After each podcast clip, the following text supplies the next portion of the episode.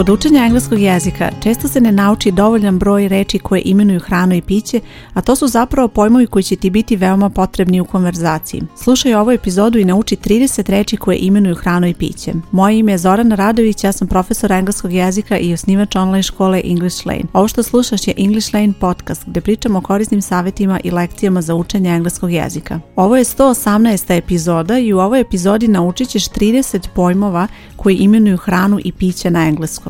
Ova lista reči će ti pomoći da naučiš ove reči, da naučiš šta one znače, kako se izgovaraju, a uz to ću pomenuti i za neke reči šta je nešto specifično i malo ću se osvrnuti na brojeve i nebrojive imenice, nešto što je veoma važno kada učiš ove reći. Pa da krenemo od hrane, hrana na engleskom je food, a prvi pojam koji imamo je bread – Bread je hleb na engleskom i ova reč je nebrojiva imenica. Ako ne znaš šta su brojeve i nebrojive imenice, imam posebnu epizodu o tome koju ćeš naučiti tačno koja je razlika, a ta razlika je važna zato što će ti pomoći da znaš da li ispred ove reči treba ili ne treba da upotrebiš član. Ukratko, ako imamo reč koja je kao bread, nebrojiva imenica, ispred te reči nećeš upotrebiti neodređeni član, a ako imamo reč koja je brojva imenica, kao što je sljedeća reč, a to je sandwich, to je brojiva imenica, ispred nje ćeš upotrebiti neodređeni član i to znači da možeš reći a sandwich. Ne možeš reći a bread, ali možeš reći a sandwich.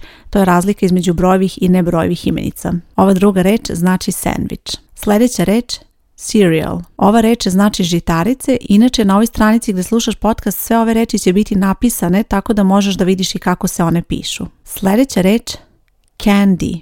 Ova reč znači slatkiš i tipična je za američki engleski. U britanskom engleskom ćeš često čuti reč sweet. Sljedeća reč je reč cake.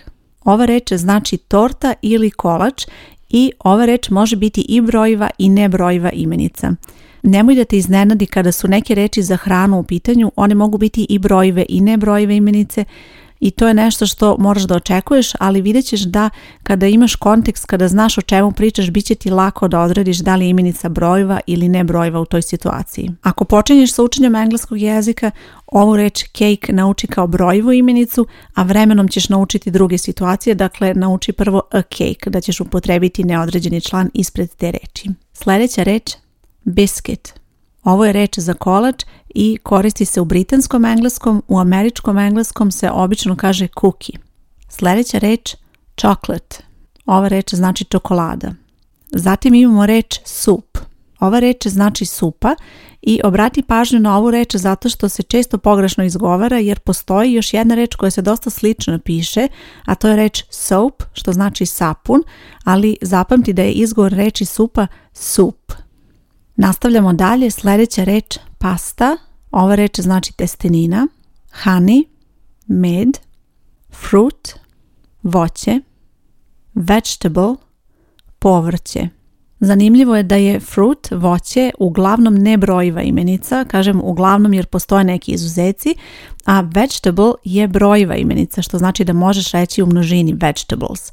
I također obrati pažnju na reč vegetable jer je specifičan izgovor iako u ovoj reči postoji ovo t a b l e na kraju što se inače čita table kad je posebna reč u ovoj reči se ne čita tako već table, vegetable.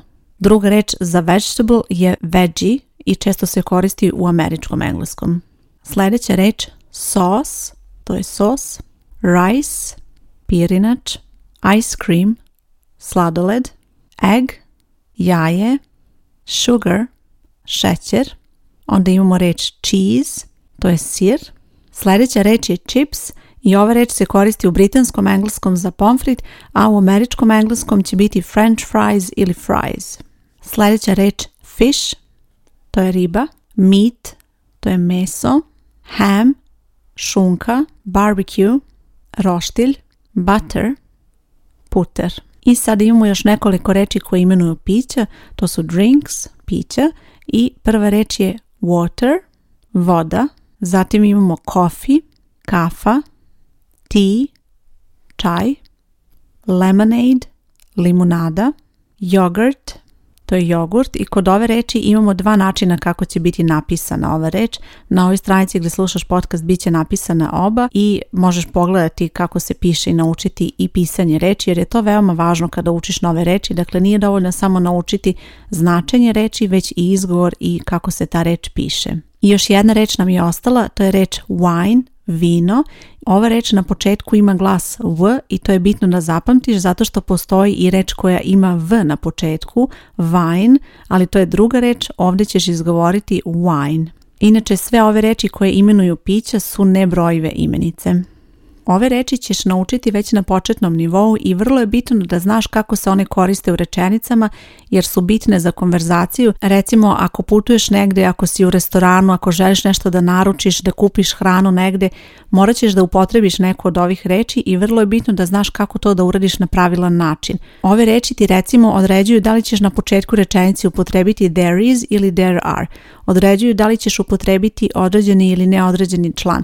Dakle, sve zavisi od toga da li su ove reči ne ili brojive imenice i zato preporučujem da posle ove lekcije preslušaš i tu lekciju jer će ti biti veoma korisna da razumeš kako ovakve reči da koristiš u rečenicama. A kada povežeš sve to, kada znaš ove reči i znaš da ih upotrebiš i kada razumeš šta je brojivo, šta je nebrojivo, imaćeš sve što ti je neophodno da pravilno upotrebiš ove reči i bit će ti mnogo lakše da ih upotrebiš Bićeš mnogo sigurnija u svemu tome i nećeš imati nedoumice. Ukoliko si član moje škole, posle ove lekcije bit će i nekoliko vežbanja, odnosno aktivnosti kroz koje možeš da provežbaš ove reči, a ukoliko nisi član moje škole, a želiš da to postaneš, na ovoj stranici gdje slušaš podcast bit će link ka školi ili možeš potražiti English Lane online škola.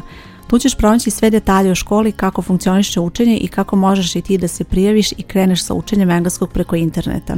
Hvala ti što slušaš podcast Moje ime je Zorana Radović i čujemo se uskoro. Ćao!